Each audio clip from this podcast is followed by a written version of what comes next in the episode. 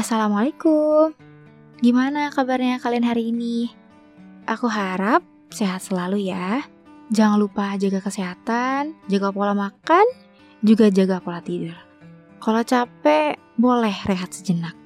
Kalau lagi sedih, lebih baik diluapkan, jangan dipendam sendiri. Selamat mendengarkan podcast Depresi Remaja eksklusif hanya di Noise. Hai, so apa kabarnya minggu ini? Masih pusing dengan tugas-tugasnya? Atau pusing dengan pekerjaan? Aku harap tubuh kamu tetap fit ya, meskipun kondisinya sekarang kamu lagi capek, lagi pusing, atau lagi bingung. Sesibuk apa pun kamu, tetap jaga kesehatan ya.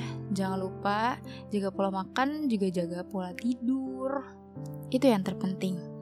So, aku mau bahas tentang sebuah kondisi yang di mana kondisi ini mungkin pernah kamu alamin atau sekarang kamu sedang berjuang dengan keadaan tersebut. Um, untuk kamu yang sedang berjuang sendirian tanpa dukungan orang sekitar, tanpa perhatian lebih, tapi harus tetap kuat dan sabar, bahkan dipaksa berdamai dengan keadaan. Mungkin segmen kali ini bisa menguatkan kamu, dan aku kasih judul yaitu Si Kuat Yang Sebatang Kara. Say hi untuk kamu yang sekarang sedang berada di titik ingin menyerah, tapi kamu tetap berusaha menguatkan diri sendiri. Entah itu kamu anak pertama, anak kedua, anak ketiga, dan seterusnya. Atau kamu anak bungsu. Melewati banyak hal yang membuat kamu takut, sedih, atau trauma. Tapi sekarang masih berdiri tegak.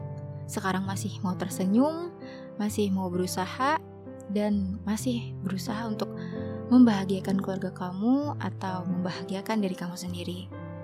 Pasti sulit ya. Biasanya orang kuat kayak kamu tuh selalu sulit untuk bercerita sama orang lain. Kamu sering menutupnya sendirian. Rasa lelah kamu, rasa kesepian kamu, dan rasa kesedihan kamu.